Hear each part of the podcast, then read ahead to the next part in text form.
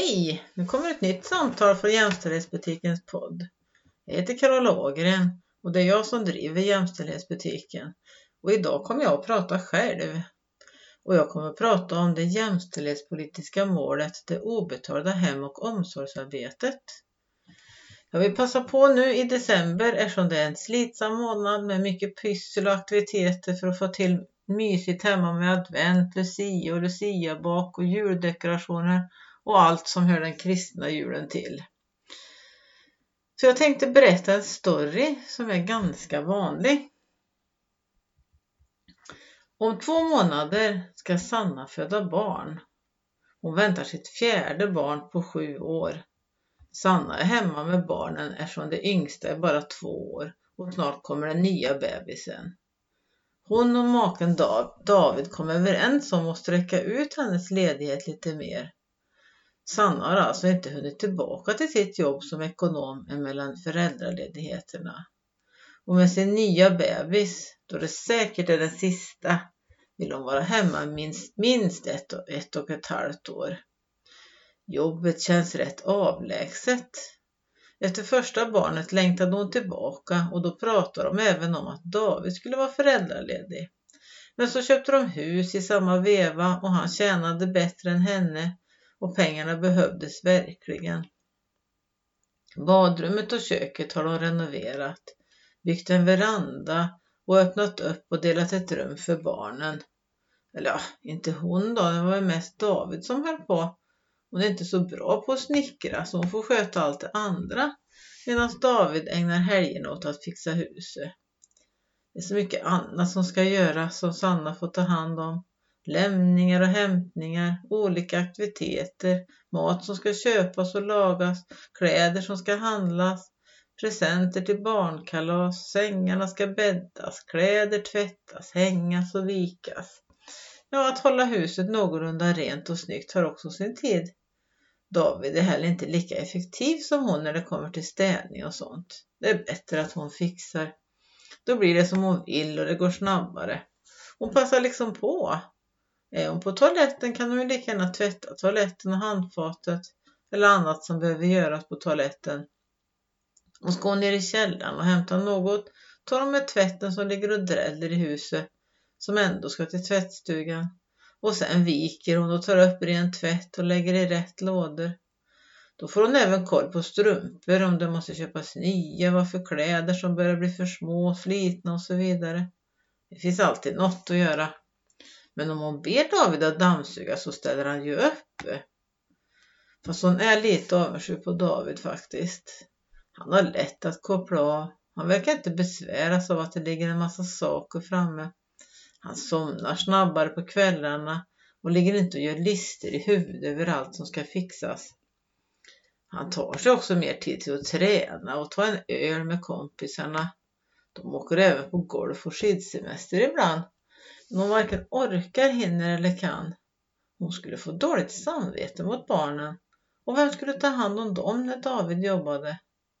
Men det är klart, få lite egen tid ibland skulle vara skönt och slippa att hela tiden vara projektledare för familjen AB.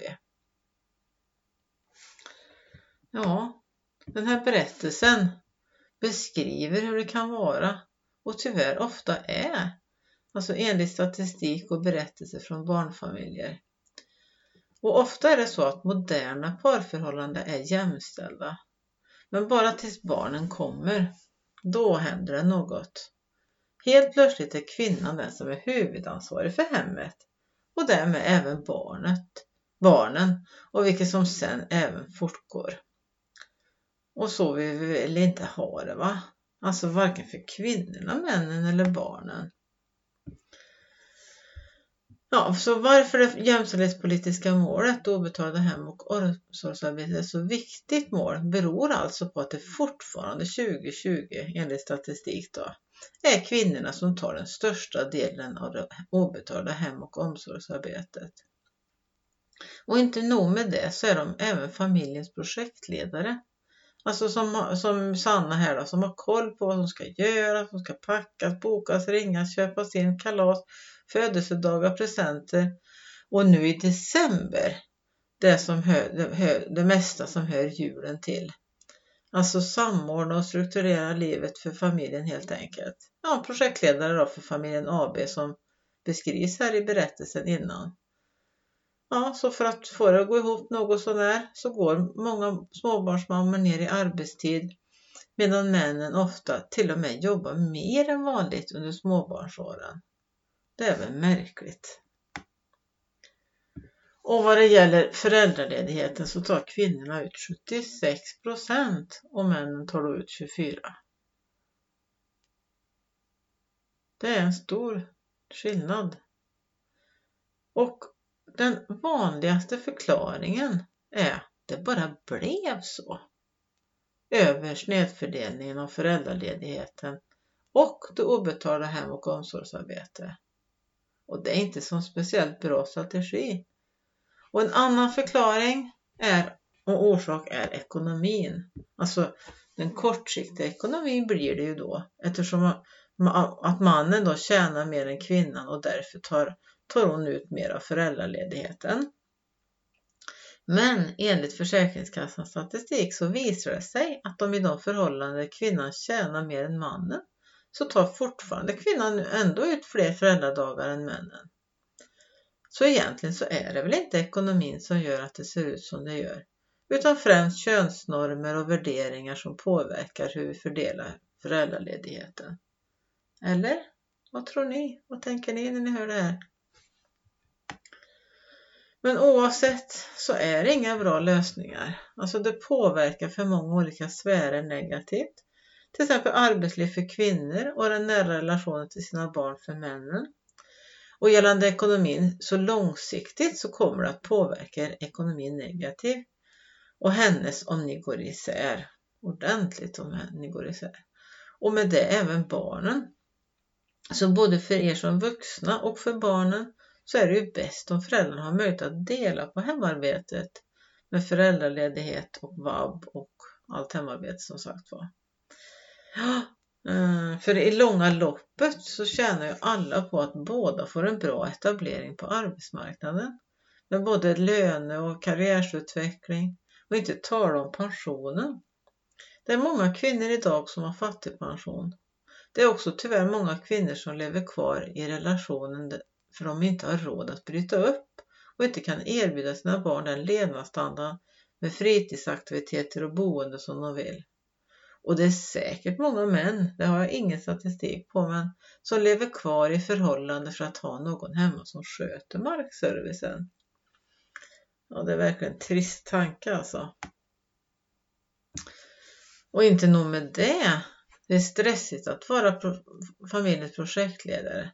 Så kommer det även dåliga karriärsmöjligheter, dålig lön och därefter dålig pension då. Så kvinnorna blir inte premierade för sitt slit precis. Och att det föds barn måste väl ändå vara hela samhällets ansvar. Alltså familjer, organisationer, företag, samhällsstrukturen måste ju också ta sitt ansvar.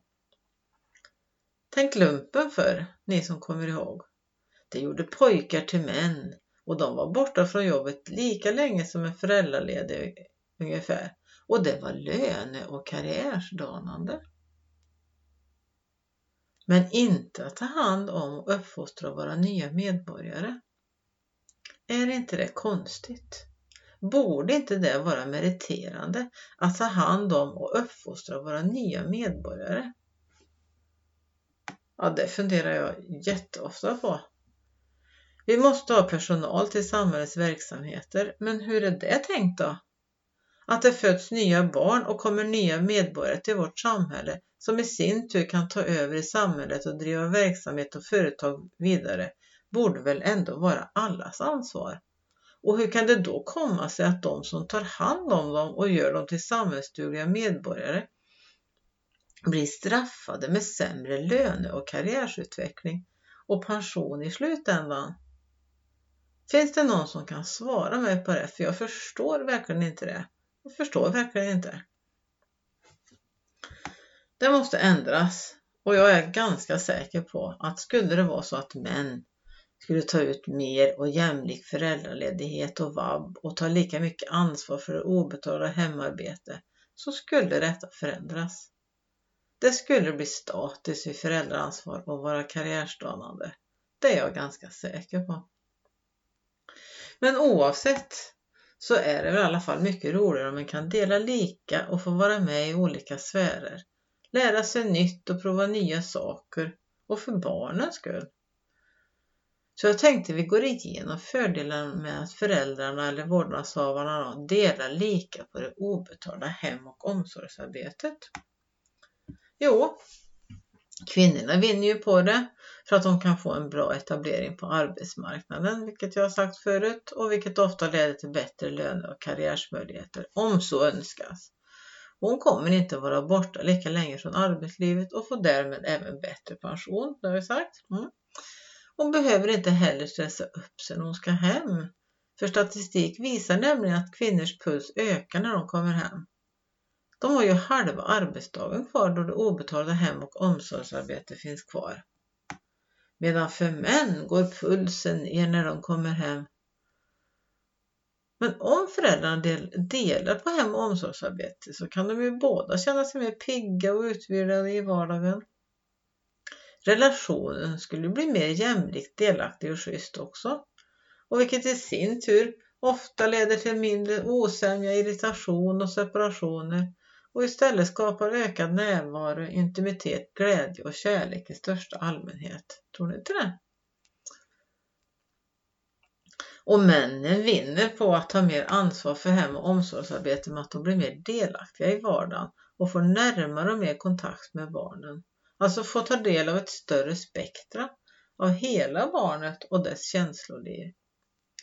Det har nämligen visat sig i en studie som gjorts gällande vilka barn anförtror sig till så kommer mamma högst upp på listan medan pappan kommer på femte plats. Och det är efter att barnen sagt att de inte vill anförtro sig till någon. Det låter ju skrämmande, eller hur? Så om ni inte har motivation att förändra i vardagen för er egen skull och, förhå och förhållandets skull så kanske ni kan motiveras för barnen.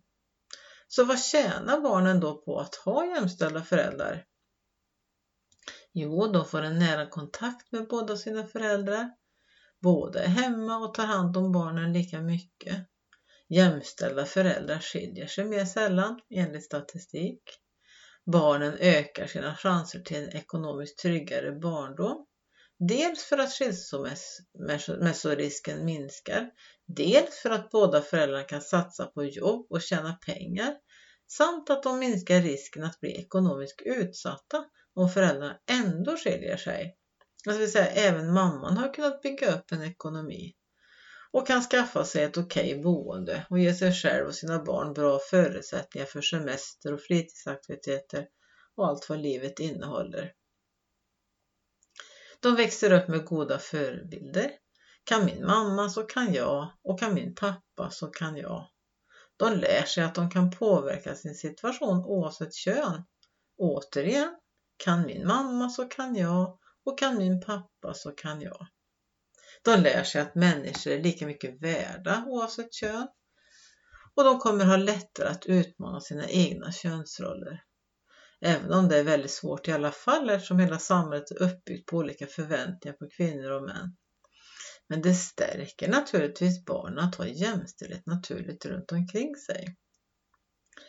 Så om ni vill jobba för en jämställd familjekonstellation, hur ska ni då göra? Hur ska ni gå vidare? Om ni gillar som jag att få hjälp utifrån metodböcker så kan ni ta hjälp av boken Mäh, jag vill också vara med som innehåller metoder och verktyg om just obetalda hem och omsorgsarbete. Och om ni vill bolla tankar och idéer och få stöttning i förändringsarbetet så kan ni ta hjälp av Jämställdhetspeter för barnfamiljer. Ni kan kolla upp boken och tjänsten på Jämställdhetsbutikens hemsida. Och när jag ändå håller på att promota jämställdhetsbutiken så vill jag prata om sponsring av podcasten. Den görs helt gratis. Så tycker ni om podcasten och vill att den ska leva vidare så vore jag jättetacksam om ni skulle kunna sponsra podcasten. Eller om ni vet någon som skulle kunna, som skulle kunna sponsra Så mejla mig gärna på info